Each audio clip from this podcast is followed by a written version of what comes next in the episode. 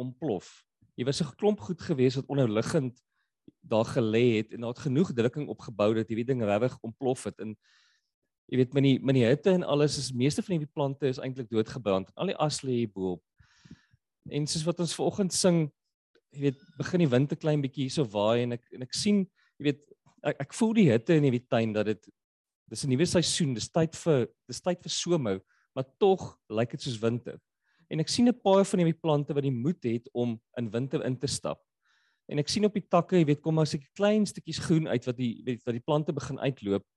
En ek besef maar daar's daar's baie mense of baie plante wat die moed het om te begin om te begin lewe, om te begin uitgaan en ek en ek sien eintlik die proses van jy weet dit verg energie om te groei en om vrug te dra en ek sien nie die hele ding van dis tyd om te begin groei en vrug te dra en daarmee saam jy weet moet jy energie kry en daar is 'n klomp resources wat jy die grond uit moet trek uit die lug uit jy weet wat bome suurstof en daai goed moet kry jy weet om te groei maar dis 'n bietjie effort om in daai genesing in te loop en ek sien dat die plante genees word maar dis jy weet daar's 'n plek waar jy in hierdie genesing moet inloop en in hierdie nuwe seisoen moet inloop om te kan vrugte hou.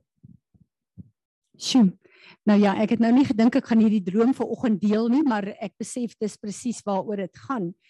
Ek het eergister na gedroom gehad en ek is by Anele hulle op Bonabonna. Nou julle wat daar was, weet dis 'n plek wat regtig in excellence is. Alles is net te pragtig daar. En ek en sy staan buite maar die tuin en die plante groei en die uh hele uh, uh scenery is mors mors dood.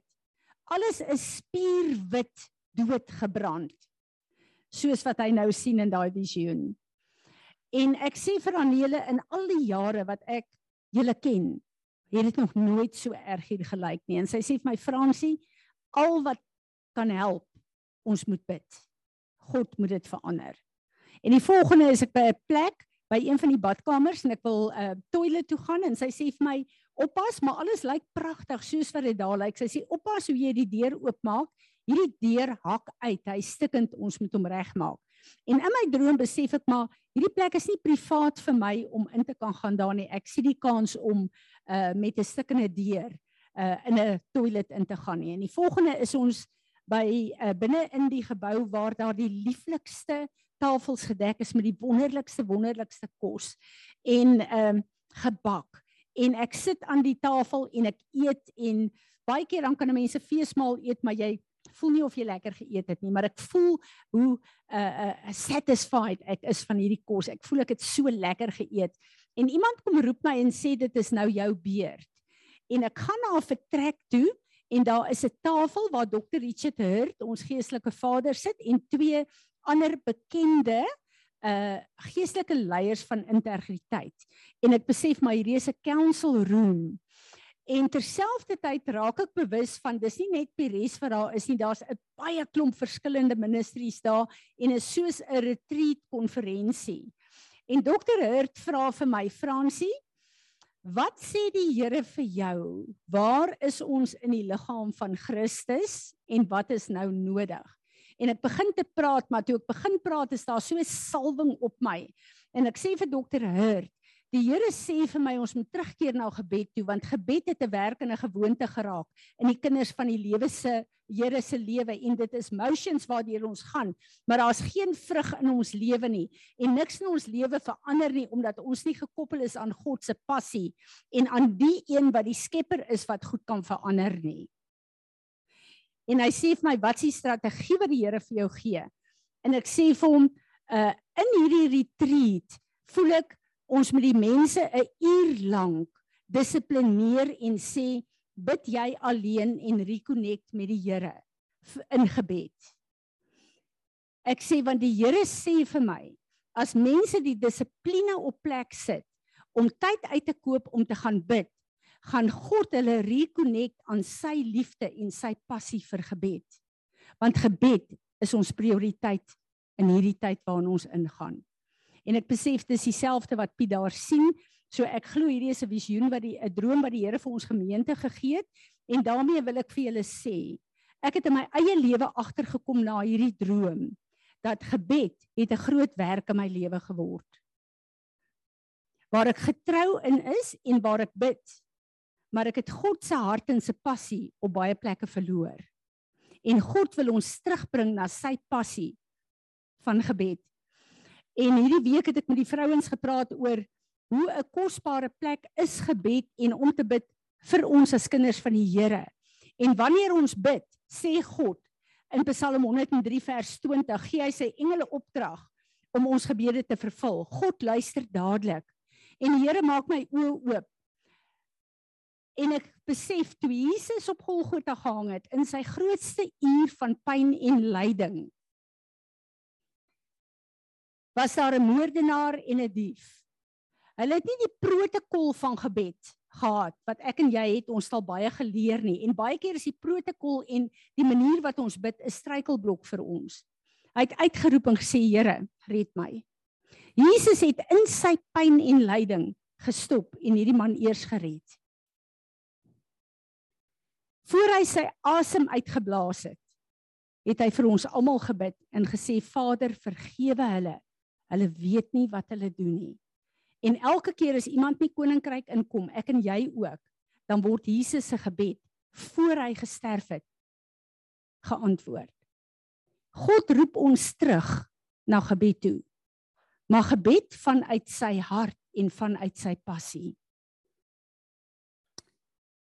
Gewoonlik het ons 'n tyd om te bid vir van die nasies en ook vir Suid-Afrika, maar dit voel vir my of die Here sê ek moet oorgee vir Tanya. Tanya kom na vore. En ek bid dat wat die Here met ons gaan deel deur Tanya gaan daai areas in my en jou lewe aanraak wat ons laat voel ons is nie regtig waardig om sy kinders te wees nie. Want God is besig om ons na 'n plek toe te lei waar daar niks tussen ons en hom gaan staan nie. En waar ons geliefd gaan voel deur ons Vader en dan soos liefdevolle kinders met 'n liefdevolle Vader sal optree. So Vader, ons is so opgewonde oor Tanya. Dankie dat U hierdie gesalfde van U gestuur het, Here. Ek bid dat uh, U salwing deur haar die juke op ons lewe sal breek en dat ons toegerus word en gevorm word en kan groei in kapasiteit om al hoe meer en meer op te tree soos Jesus Christus ons Heer en Meester hier op aarde. Amen. Amen. Baie dankie. Dis altyd vir my so voorreg om hier te wees en ek sê altyd ja, ons raak vir Engels in die stad, so dis my altyd lekker om 'n bietjie Afrikaans te praat en in die week voor dit net weer 'n bietjie die woordeboek te moet gaan besoek oor Afrikaanse woorde. So vandag sal daar dalk so Engelse woord hier en daar inglip. Maar ja, toe toe Fransie my geskakel het so 'n paar weke terug en vir my gesê het van die berading en so gesê het o, so terloops. Ehm um, en dit is een van van Fransie se gawes is die so terloops en dan weet jy ek val maar net in want ehm um, sy het klaar gehoor so jy hoef nie eers te gaan strei nie. Die ding wat ek eers te gehoor het in die gees is weeskind. En ek sê sien Here weeskind. Ken jy Pres? Weeskind. Wat se wat is dit? En die Here sê vir my my hart breek. Want my kinders dink hulle is weeskinders. En ek is op 'n plek van en en die wat my ken weet ek huil baie maklik, maar ek's op 'n plek van God se hart breek. Want julle kan nie aanvaar wat hy vir julle wil gee nie, want julle kyk na hom uit die plek van 'n weeskind. En ver oggend vroeg, toe sê die Here vir my, "Wat s'e datum vandag?" En ek is in 21 Augustus en Augustus is is die 8ste maand. Dis jou laaste maand wat wat jy 'n babietjie dra en die Here sê vir my, "Ek wil iets baar in hierdie in hierdie plek." maar die mense is nog nie reg om daai babatjie op te tel nie.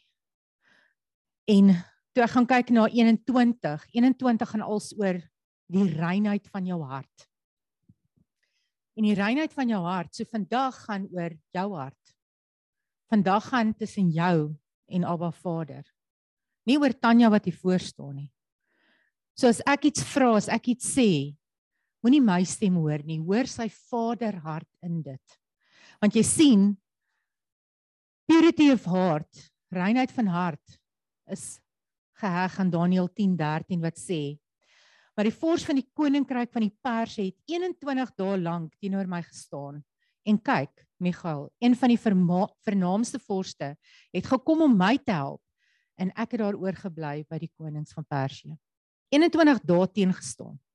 Hoe lank vat jy al hierdie ding? En die Here sê vandag is die dag.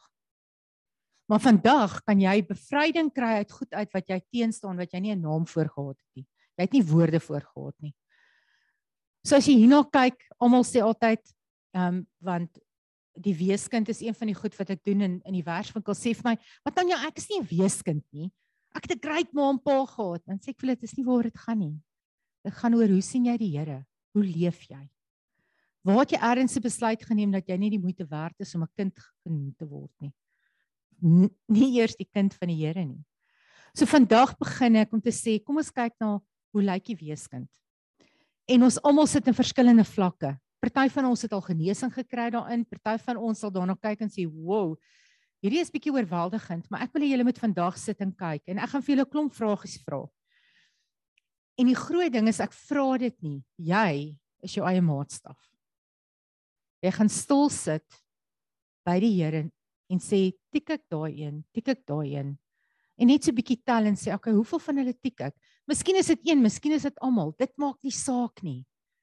Wat saak maak is teen die einde van vandag gaan ons op 'n plek wees van daai goed als net so vir die Here teruggee en sê, weet jy wat? Ja. Dis eintlik wie ek is en dis nie wie ek wil wees nie. So vir vir my is dit altyd daai ding van jy weet nie wat jy nie weet nie. En baie van ons loop in 'n plek van eina omdat ons nie weet wat ons nie weet nie. So my eerste ding en um Wilhelm sal so deur die skyfies gaan. Die eerste eerste eerste vraag is ek is Wat is ek? Is ek vreesagtig? Is ek onafhanklik van niemand gaan niks vir my doen nie? Kan ek nie vertrou nie? Ek het nie hoop nie. Wie van ons het nie al almal hoop verloor nie? Ek is bitter. En onthou bitter. Ons het partykeer hierdie mooi woorde wat bitter so een kant toe skuif. Offense, resentment, woede. Dis die boustene van bitterheid. Ek is onseker in myself en oor ander. Wat gaan die mense sê? As ek hierdie doen, hoe gaan hulle reageer as ek hierdie doen? En dan sit ons al ons goed eenkant toe want wat gaan die mense sê? Selfonderhoudend. Ek kan na myself kyk. Vasgevang. Hoeveel van ons is vasgevang in goed en ons weet dit nie eers nie. Wat is jou en en ek praat altyd van jou narkose wat jou net laat wegkom van alsaf. Vir party mense is dit 'n verslawing. Vir ander is dit 'n Netflix series binge. Vir ander is dit 'n boek, vir ander is dit inkopies. Maar wat is daai ding wat jou op 'n plek het van ek is. Dan kyk ek na die volgende een en ek. So ek is iets, maar nou doen ek ook iets. Ek skinder. Nee Tanya, ek skinder nie. Wat as jy iemand bespreek? Wat as jy meer inligting probeer uitvind oor 'n persoon, maar dit het eintlik geen in die Engels het 'n mooi woord relevance nie. Ek plaas blame. Is nooit my skuld nie. Daai ou het nie gedoen wat hy moes nie. Ek is krities in my gees. Ek het hierdie mooi maskertjie op, maar ou Matta, soos wat almal instap, kyk ek hulle so op en af en dan dink ek, "Joh, Daai net alweer 'n nuwe handsak, maar hulle kla daaroor en daai net alweer 'n paar kilos opgetel en wonder wat het daai nou gedoen want hulle het gewig verloor. Ek wonder die nuwe voertuig hier buite. Dis krities ouens. Dis oordeel. Niemand skuld my niks nie. Of almal skuld my alles. Ons sit met 'n generasie wat sê jy skuld my. Kla die heeltyd altyd. Mense wil nie vir my vra hoe gaan dit nie, want hulle gaan 'n halwe boek kry oor hoe sleg dit met my gaan. Ek beheer alles en almal. As ek nie in beheer is nie, wil ek weghardloop. Ek is verdedigend. Nog voordat iemand as iemand net aankom na my toe dan dink ek klaar, hoe gaan ek myself beskerm?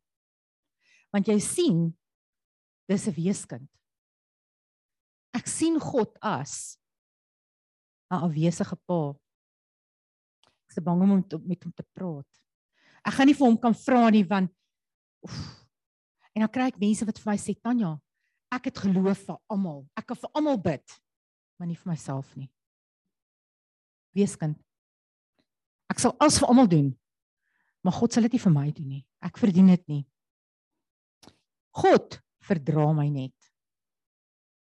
Hy is nie lief vir my nie. Hy sal nie vir my wonderwerk doen nie. Hy verdra my net. Soos wat ons partykeer ons stout kind verdra as ons by ander mense kuier. Want ons kan hom nie eintlik nou 'n pak gee nie, maar ons verdra hom. Ons dink God is so. Hy wag vir die volgende keer dat hy ons pak slaag kan gee. God oordeel my. Ek kan nie vir julle sê hoeveel mense sien ek op 'n daaglikse basis wat hulle self so slaan met hierdie God oordeel my stok nie. Dat hulle op 'n plek is waar hulle glo ek verdien net die slegste. Want God sê jy is nie goed genoeg nie. Ek oordeel myself en dan veroordeel ek ander uit daai plek uit want hoekom is jy nou beter as ek? Ek hou telling van elke verkeerde ding wat iemand doen. En dan sal mense vir my sê Tanya nee. Sê ek sê ja, wanneer laas het jy 'n ou koei uit die uit die gat gaan grawe? As jy nou in 'n goeie fight is met jou man of met jou vrou. Wanneer laas het jy ou koei gaan uitgrawe? God sien my as 'n nemer. Hy moet net gee. Hy moet net gee. Hy moet net gee. Want jy sien, ek vat net. Dan ek sien sonde dieselfde as die fariseërs of of die moraliste doen. Hier's die boksie. Jy meet jouself. Ons vergeet ons almal is sondaars, maar ons gaan na hierdie boksie toe en ons sê ja nee, kyk, Ek wil net hierdie vir my en hierdie vir my en hierdie anders doen. Maar dan kry ons dit nie reg nie. Dan fokus ons net op die op die aksie van sonde. So ons gaan nie na ons hart toe en sê hoekom doen ek dit nie. Ag Shaim, ek is so jammer ek het 'n woede uitbarsting gehad teenoor jou. Maar hoekom is daar woede in jou hart?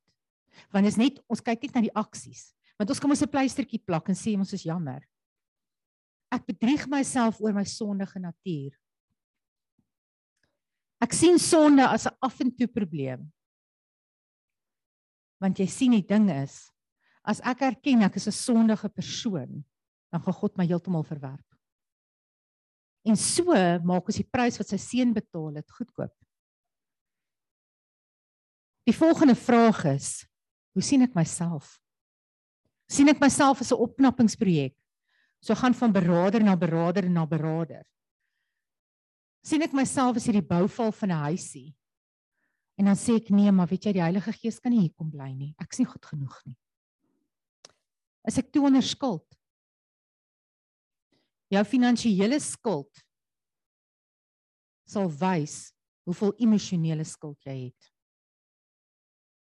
As jy sukkel om uit die skuld uit te kom, begin by jou emosies. Meeste ouens is in skuld want hulle kan nie daai gat vul met God nie. So ja, ons ons weet van tieners, ons weet van die finansiële goed. Maar as jy boonbehalwe daai nog steeds sukkel, gaan kyk daarna.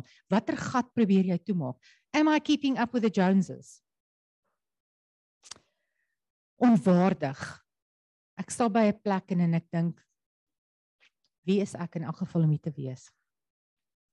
Selfonderhoudend op my eie morele wil. Ek vertrou nie op God vir deurbraak nie. Ek sal my fight gaan fight. Daai skrif wat sê God sal he will fight on your behalf, tel nie vir my nie. Want hy gaan nie opdaag vir my nie. Ek's vasgevang deur my omstandighede. As ek om my kyk, al wat ek sien is my omstandighede. My fokus is hierso, nie op God nie. Hoekom? Want wat gaan God in elk geval vir my doen? Ek is mos net 'n weeskind en ek bekommer my oor wat ander dink van my. Dan die volgende ding is die genade issue. Hoe sien ek genade as ek nou in hierdie plek van weeskind is? Genade is nie nodig vir my nie. Want ek sal dit self uitsorteer. Dis nie nodig vir elke dag se lewe nie. Want jy sien hier's ons nou twee twee kante van 'n muntstuk. Aan die een kant is dit genade is alles en ek hoef niks te bely nie want ek het nie sonde nie. Aan die ander kant is ek loop maar eerder met hierdie verskriklike swaar gewig want ek kan dit nie vir die Here gee nie. Genade is eerder iets om my te help in my eie poging om God se guns te wen want Christus is nie genoeg nie. Ek sê altyd vir mense, daar's drie verhoudings waarna jy moet kyk. God die Vader, Heilige Gees en Jesus Christus. As jy 'n issue het met God die Vader, is die kans goed jy het 'n issue met 'n pa of 'n man in autoriteit. As jy 'n issue het met Heilige Gees, is daar heel waarskynlik 'n kans dat jy 'n issue het met 'n ma figuur. As jy 'n issue het met Jesus, dan het jy beheer issue. Ek sal myself red. Vandag deel ons met die pappa ding. Want hier is die ding nie. As ek al reeds nie eers God se liefde vir my as 'n kind kan aanvaar nie, hoe gaan ek Jesus aanvaar? Hoe gaan ek sy prys aanvaar wat hy vir my betaal het?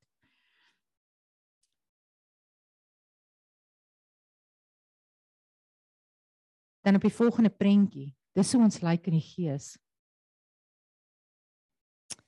Ons wil so graag ons woorde sê ek wil God hê as 'n Vader. Ons woorde sê ek wil Jesus aanvaar. Maar in die gees teken ons vir onsself 'n prentjie. Want ons kan nie na hulle toe hardloop nie. En dis waar ons vandag gesels. Hoe kom ons op daai plek waar ons harte gesond genoeg is om te sê God, hier's ek.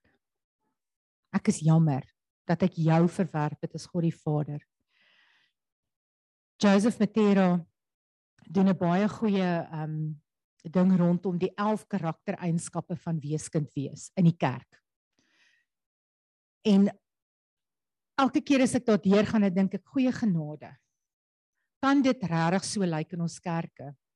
En as ek dan met leiers deel, dan sien ek dit lyk so. So wat is 'n karaktereienskap? Julle sal sien die Afrikaans is aan die onderkant van die skyfie. So daar's 11 van hulle. Die eerste een is die weeskind gees werk vanuit onsekerheid en afguns jaloesie. Die gees van kunskap funksioneer uit liefde en aanvaarding. Maar waar dit begin? Dit het al begin by Adam en Eva. Dis voor toe hulle gesê het ek gaan nie na God luister nie, ek gaan na myself luister. Ek gaan doen wat ek wil. Dis verwerping van God. Maar hier is die ding. Waar kom die jaloesie in? So kom ons kyk bietjie na Kain en Abel. Die weeskind gees was daar. Want hoekom het God sy offer aanvaar in die myne en nie so my broer gaan boet? Hoeveel van ons lewe ons lewens van iemand gaan boet want ek het nie gekry wat myne is nie. Ek het nie die erkenning gekry nie. Ek het nie die julle kan self 'n sinnetjie volmaak. Want die weeskind gees kom uit 'n plek van jaloesie uit. Onsekerheid van doen ek goed genoeg? Gaan ek dis daai ou wat die hele tyd kom vra, is hierdie reg? Is hierdie reg? Is hierdie reg? Hoekom? Want hulle is nie seker in hulle self dat hulle weet wat hulle weet nie. So hoekom van Adam af is hierdie weeskind gees 'n probleem? Want dit deurdrink die aarde met alleenheid, met verlatenheid en isolasie. Hoeveel van ons sit in 'n vertrek vol mense maar ons is alleen? Weeskind gees. As jy 'n verskriklike alleenheid het, en jouself die hele tyd meet aan ander. Kyk daarna. Die tweede in een is die wesensgees is jaloers op die sukses van sy broers want jy sien as daai ou slegter doen as ek is ek okay. Maar nou sit ons in 'n kerksituasie en iemand doen beter as ek. Nou wat nou? I need to show him up of ek moet iets van hom sê sodat ander net bietjie hulle perspektief kan verlaag. Dis die vinnigste waar daar disunity in 'n kerk kom en in 'n gemeenskap kom. Want ek probeer net wys ek is okay. Maar die gees van kunskap is vasberade tot die sukses van sy broers. So hier's 'n vraag vir jou. Hoe vasberade is jy om ander te sien suksesvol wees? Is jy die een wat wat soos in kom kom, jy's die cheerleader of is jy die een wat hulle aftrek? Soos 'n nat kombers. Die derde een, die weeskind gees dien God om Vader se guns en liefde te wen. Wat doen ons vir God? En vir oggend wat Fransie gesê het oor gebed, daai persoonlike gebed ding is nie daar nie. Hoekom? Want ek probeer God please op ander maniere. Okay, as ek by hierdie aksie is en hierdie ding doen, hierdie ding doen, hierdie dan sal God sien ek's okay. En wat sê God se hart? Ek wil 'n persoonlike verhouding hê met jou. Maar wat sê die weeskind? Ek sal vir jou wys Ek moet eers vir jou wys ek is goed genoeg om 'n persoonlike verhouding met jou te hê. So wat in die gees van kunskap dien God uit te wete 'n diepe wete dat hy aanvaar is en dat guns sy porsie is. Dis 'n ander plek om uit te leef. Dis minder moeg. Hierdie hierdie performance ding maak mens moeg. Want die ding is jy probeer die hele tyd, jy probeer die hele tyd en dan kom jy nie daarby uit nie en dan as jy nog hoor.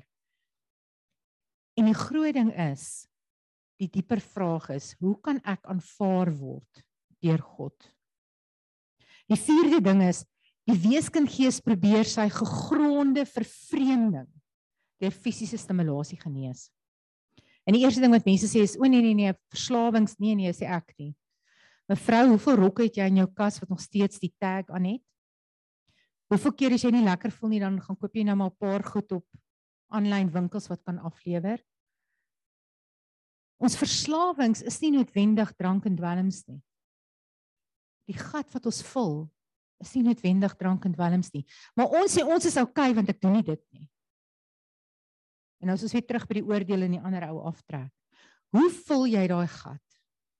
How do you numb the pain?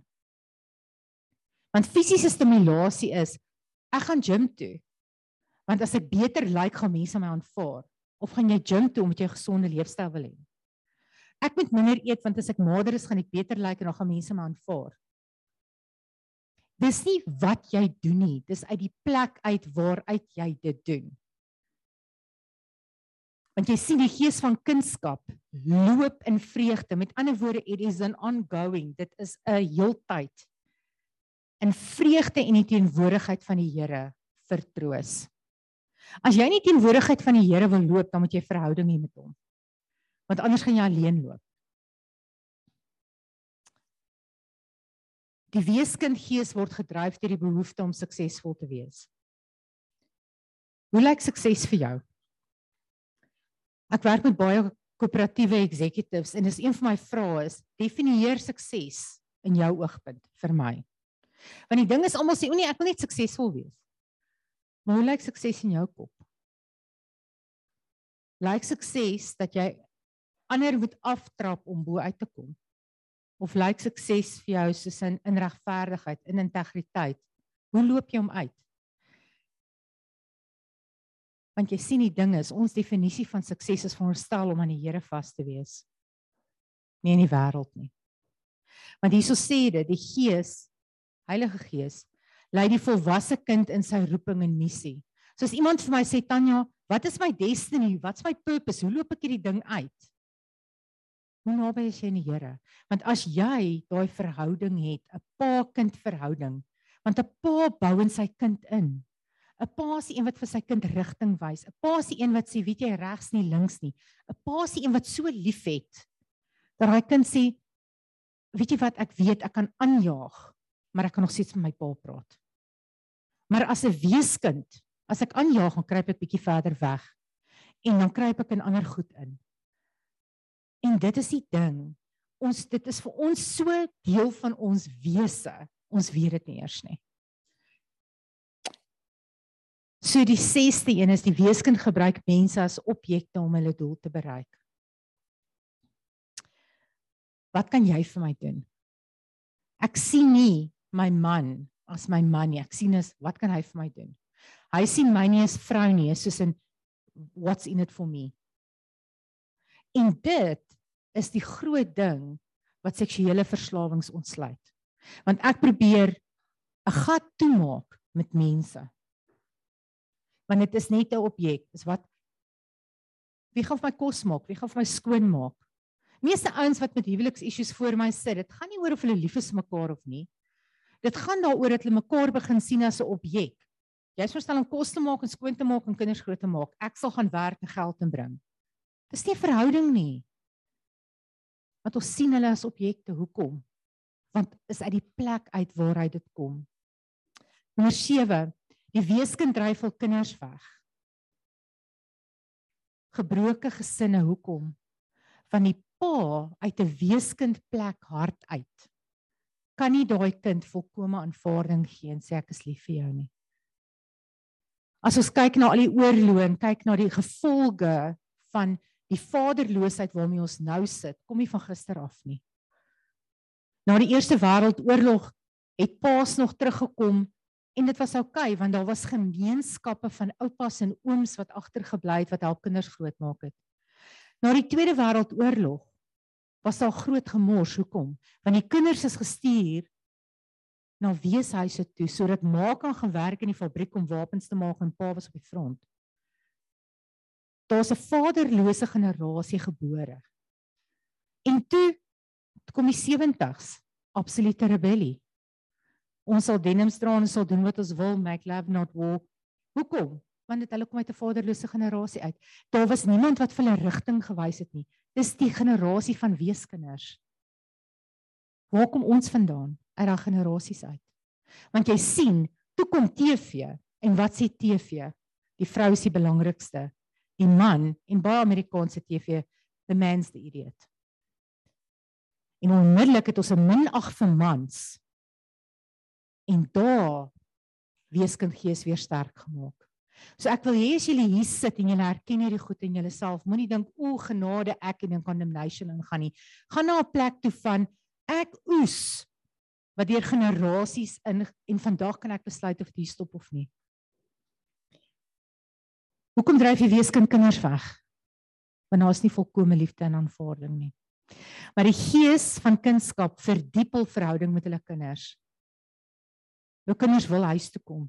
Jou kinders wil gesels met jou. Nommer 8, die weeskind het diep gesetelde probleme met woede en woedebye. Wat is jou sneller? Wat laat jou ontplof? Jy sien die ding is en ek het dit gister ook gesê. Oh, maar goeie Christene word mos nie kwaad nie. Almal word kwaad. Is wat jy daarmee doen. Want laat ek jou vertel, as jy daai kwaad lank genoeg gaan afdruk, gaan jy 'n heerlike ontploffing hierdie dag as dit gebeur. En niemand gaan weet waar kom dit vandaan nie. Want deel van die weeskind is, ek weet nie hoe om met my emosies te deel nie because there's no safe place at the Father to deal with it. En dis hoekom ons God sien as hierdie ou met die stok in die hand wat my net gaan pak slaag gee. Want ons is nooit geleer hoe om met ons emosies deel nie. Want jy sien die gees van kunskap rus in die Vader se vermoë om die toekoms te beheer en te lei. Die 9 en die weeskind is altyd in kompetisie met ander. Met wie sien kompetisie? Met wie vergelyk jy jouself? Want baie mense sê ek sien kompetisie nie, ja? Met wie vergelyk jy jouself? Wie is jou maatstaf? Die gees van kunskap is altyd 'n seën vir ander. Die weeskind gees het gebrek aan selfvertroue en 'n slegte selfbeeld. Ek vra altyd vir mense hierdie vraag. En julle kan julle dit self vanoggend beantwoord.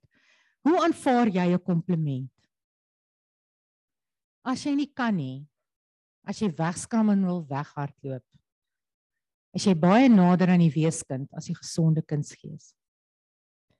As jy op 'n plek kan kom om te sê dankie maar hierdie is 'n ou rok, hierdie is 'n ou baadjie.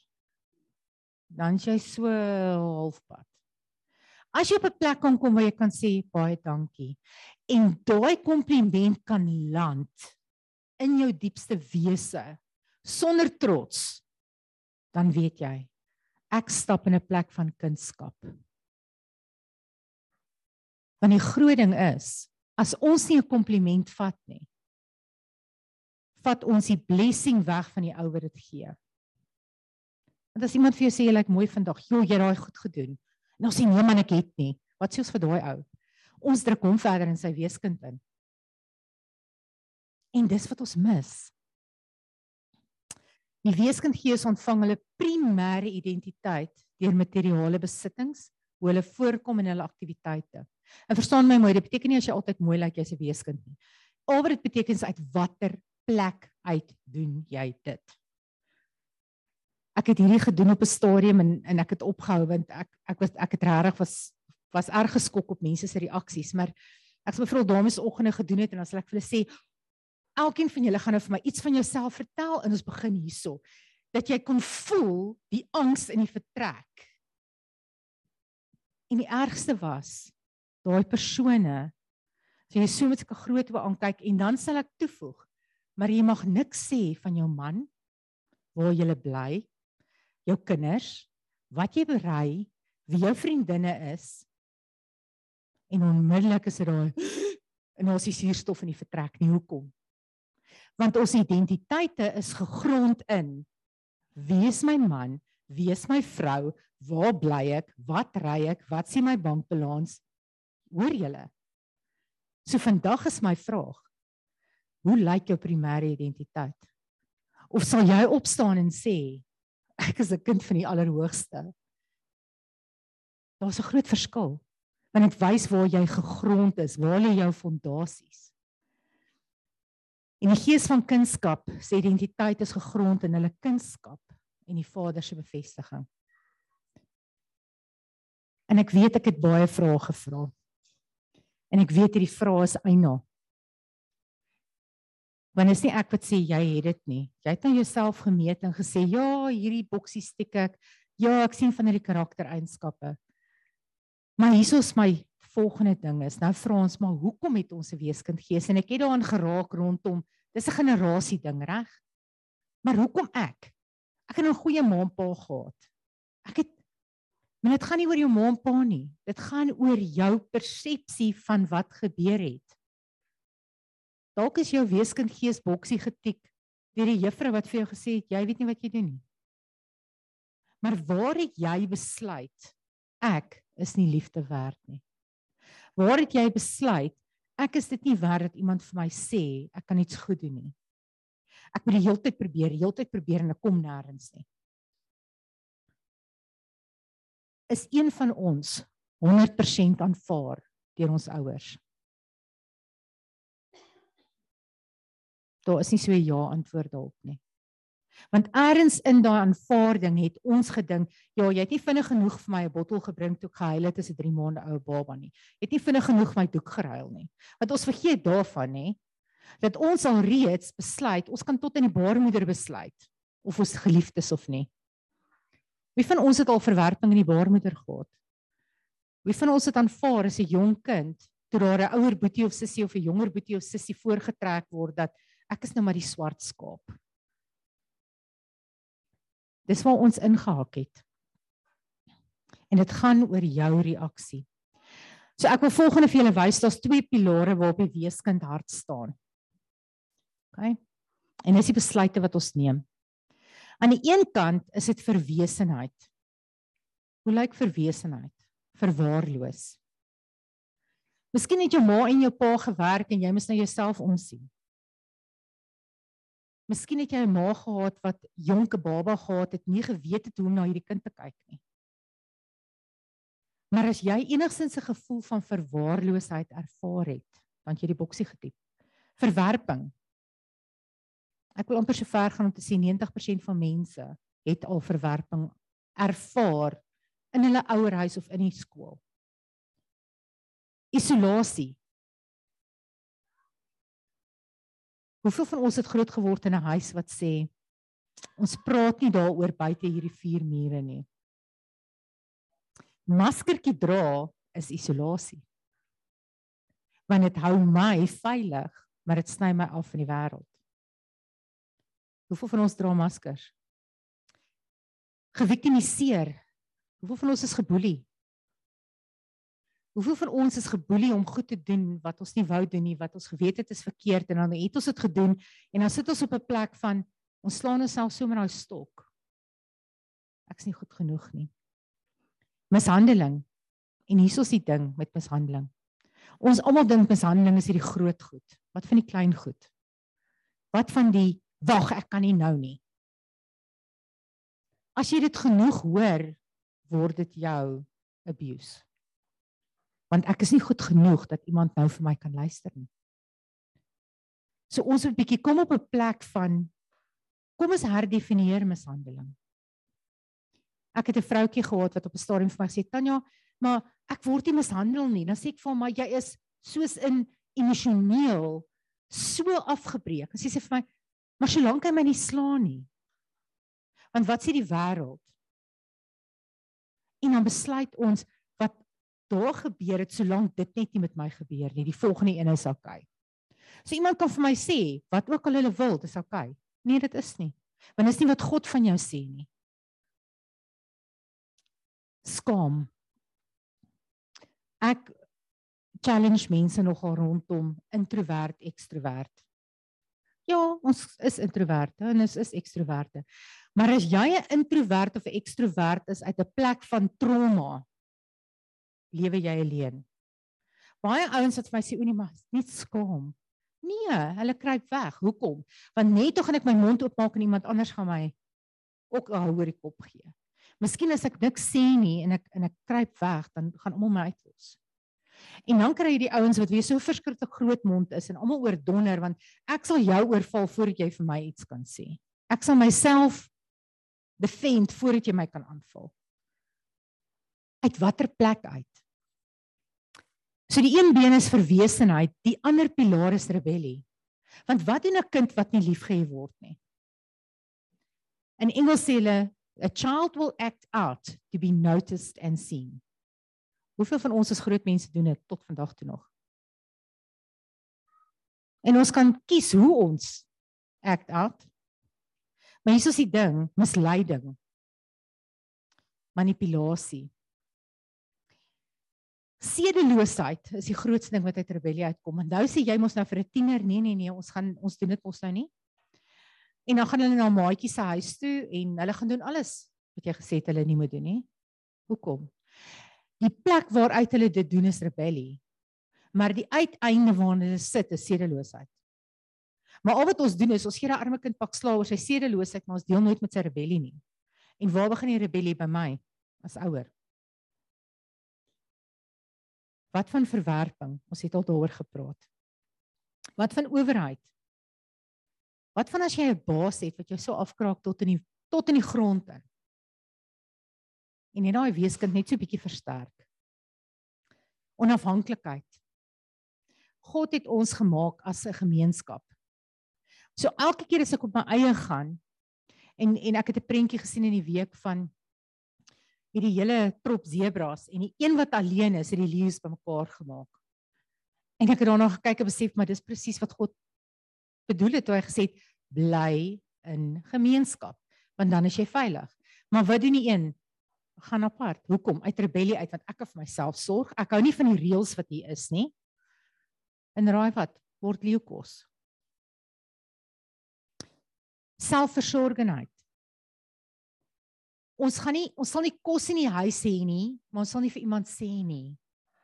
Want ek kan vir myself sorg, ek kan vir my gesin sorg.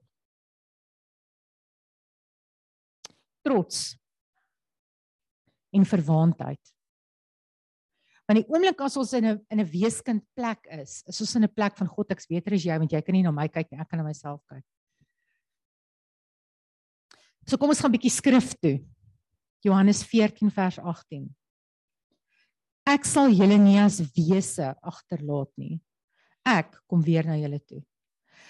As ek gaan kyk na die woord en die veelheid kere wat God beloftes aan weeskinders maak, dan dink ek hy moes geweet het van die oomblik wat Adam en Eva omgedraai het, moes hy geweet het.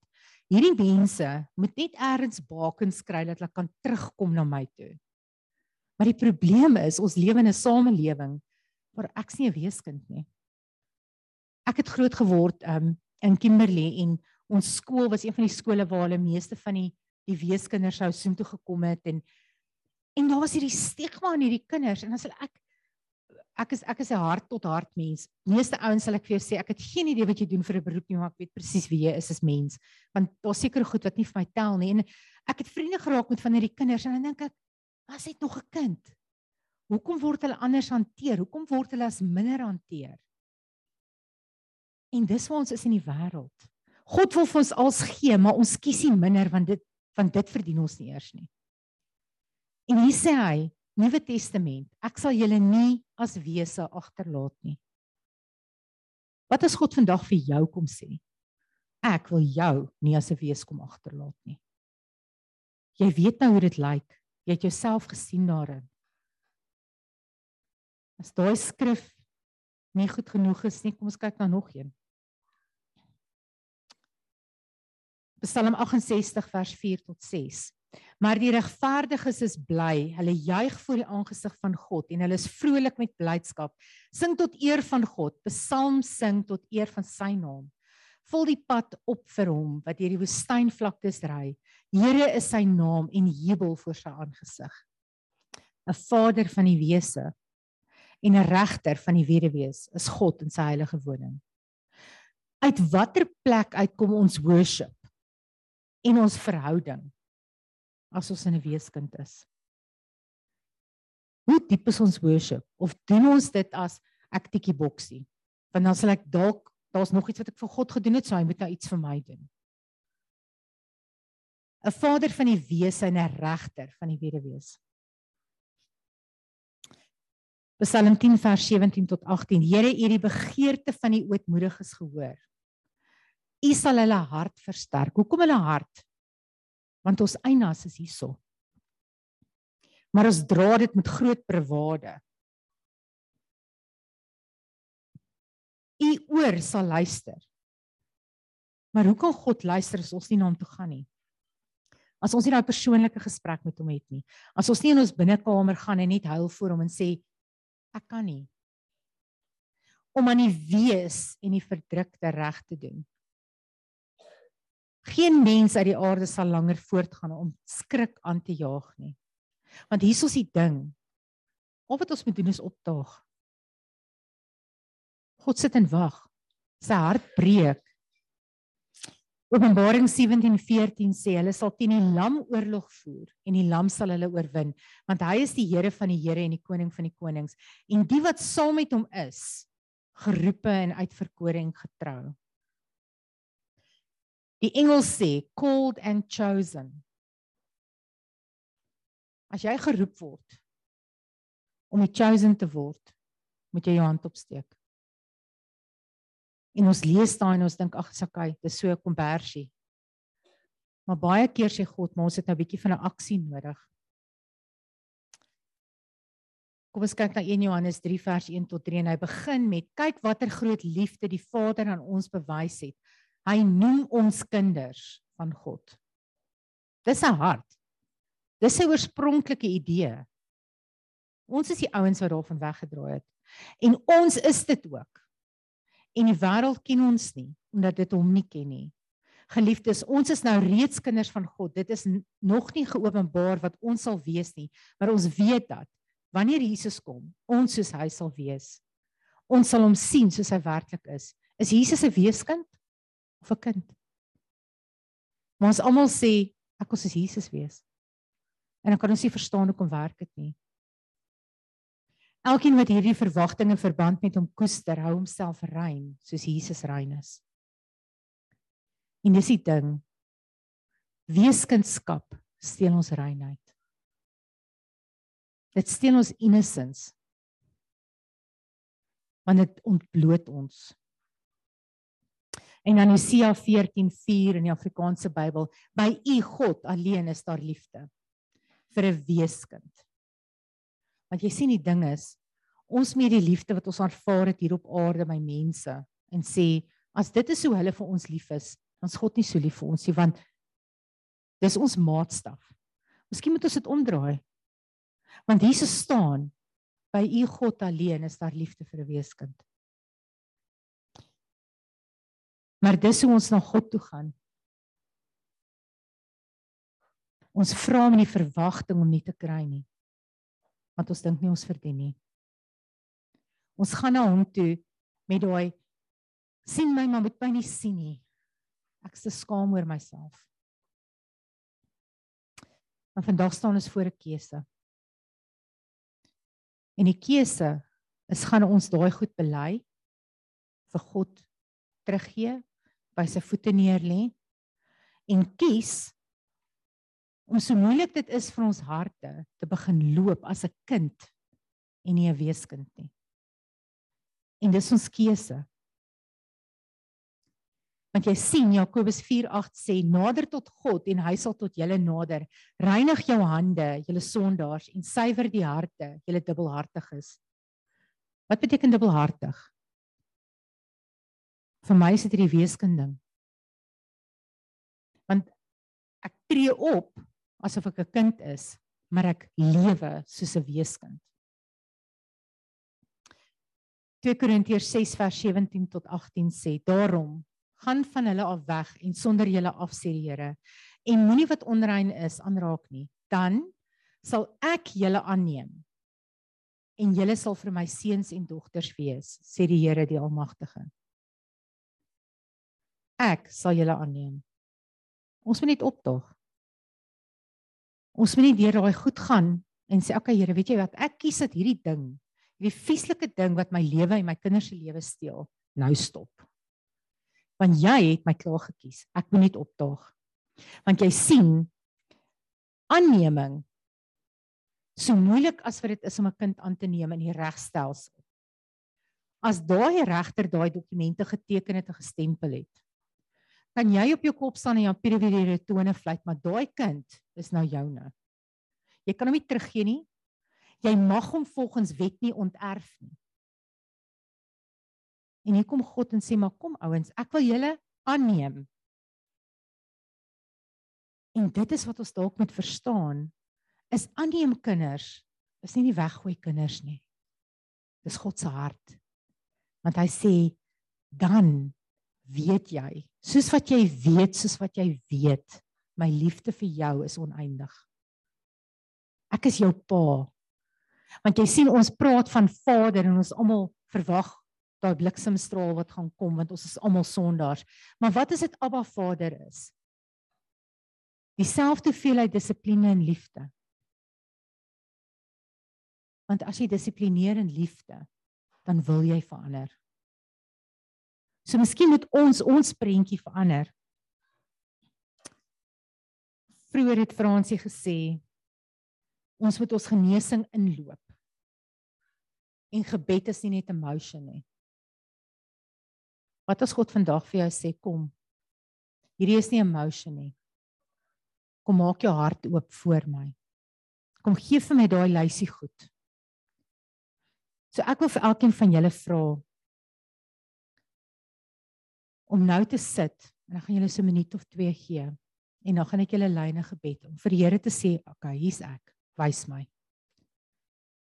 Wys my hoeveel van 'n weeskind ek regtig is. En vandag gaan dit nie of jy 100% is of jy 10% is nie. Vandag gaan dit daaroor dat jy 'n keuse maak om te sê hierdie stukkie weeskind is nie my erfborsie nie. Want 'n weeskind het nie 'n erfborsie nie. 'n Weeskind het nêrens heen om te hardloop nie. So ek gaan julle so 'n paar minute gee.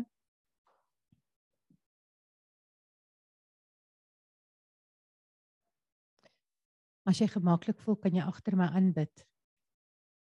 En ons almal gaan dit bid. Ek gaan nie vir mense vra om op te staan nie. Ek gaan nie vir mense vra om hande op te steek nie. Maar ek dink ons almal het aspekte hiervan. So ek gaan vir ons voortgaan en julle kan net agter my aanbid. Abba Vader. Vandag bely ek elke plek van vreesagtigheid. My onafhanklikheid van U. Dat ek nie op mense of op U kan vertrou nie. dat ek hoop verloor het. Dat ek bitter is. Ek is onseker in myself en oor ander.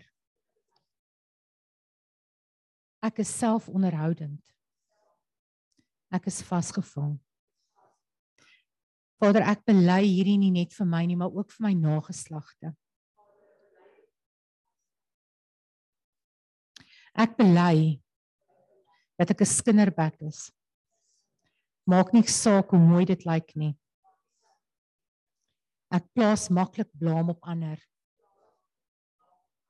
Ek is krities in my gees teenoor ander en teenoor U. Vader, ek voel dat niemand my niks skuld nie. Maar tog dat almal my iets skuld. Ek kla en beheer almal en alles en ek is altyd op my agtervoete. Ek bely hierdie maniere van leef. Vader, ek vra vergifnis dat ek U sien as afwesig. Ek vergewe my aardse pa wat nie my behoeftes voldoen het nie.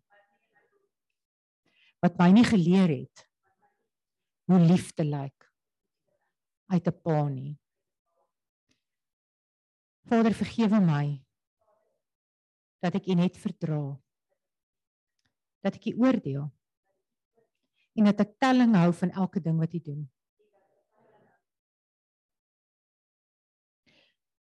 Vader, vergewe my dat ek U seun se bloed goedkoop gemaak het. Want ek sien myself nie as 'n sondaar nie. Vandag bely ek ek is 'n sondaar. Ek het U nodig as Abba Vader. Ek het Jesus Christus se prys wat hy vir my betaal het nodig. En ek kies om dit te aanvaar. Ek kies Vader Heilige Gees dat ek vandag hierdie woning aan U sal gee.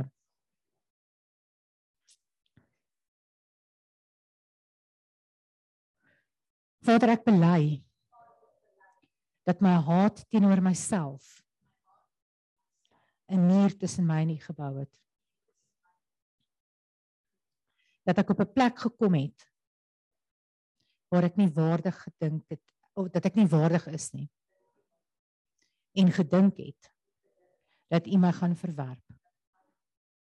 Vandag kies ek om die pad te begin stap om myself te sien soos wat U my sien. En vandag vra ek Here dat U my sal leer hoe genade werklik lyk. Vader, ons kom in die naam van Jesus. En ons kies om teen hierdie weeskind gees te staan. En te sê jy het nie meer plek in my lewe nie. Jy besit my nie. Want ek is die kind van God die Vader. En ek kies hom as my Abba Vader. En ons staan op Hosea 14:4 wat verklaar dat by God alleen daar liefde vir 'n weeskind is. Dankie Vader dat U vandag die aannemingsdokumente voltrek het om my 'n kind van U te maak.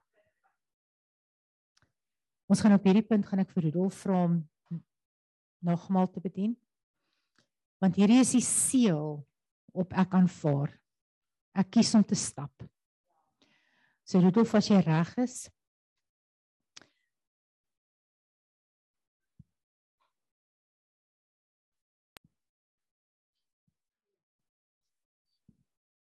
Ehm um, ek gaan laat ons dit uitdeel vir julle, maar hou dit net by julle, moet dit nie al gebruik nie, hoor.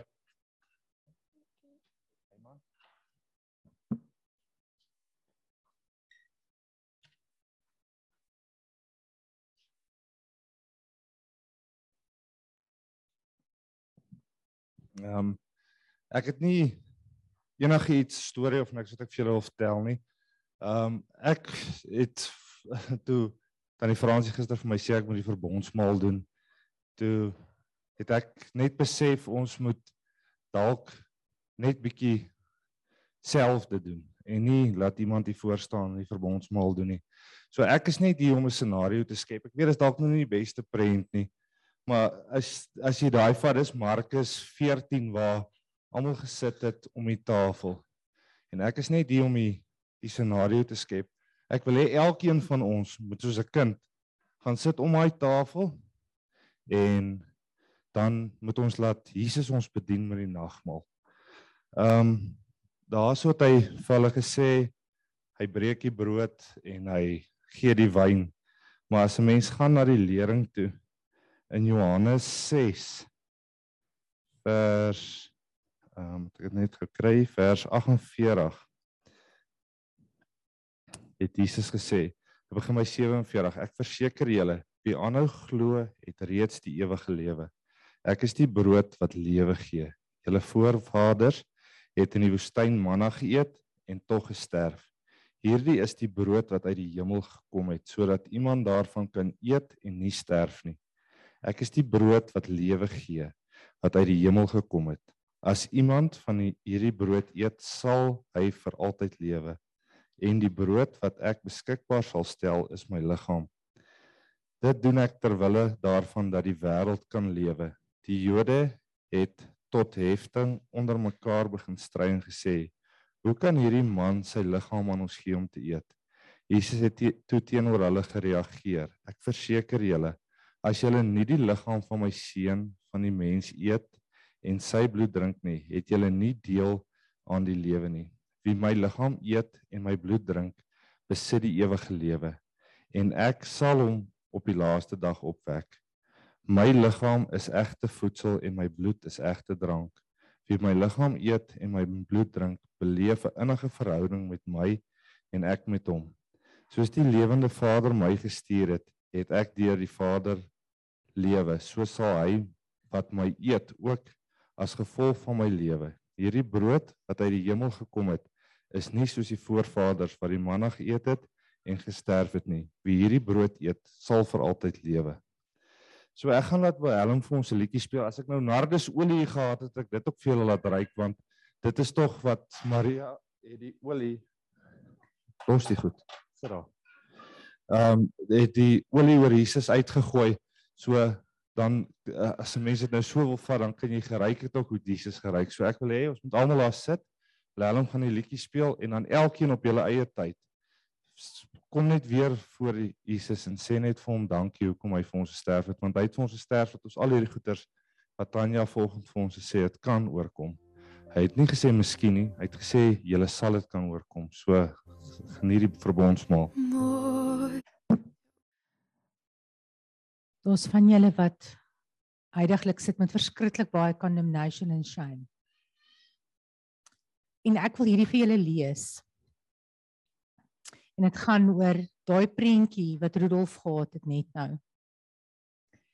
Yet in that room hours before the death of Jesus, Judas ate too. Jesus fed Judas too. Jesus prayed for Judas too. I struggle to fathom that kind of love.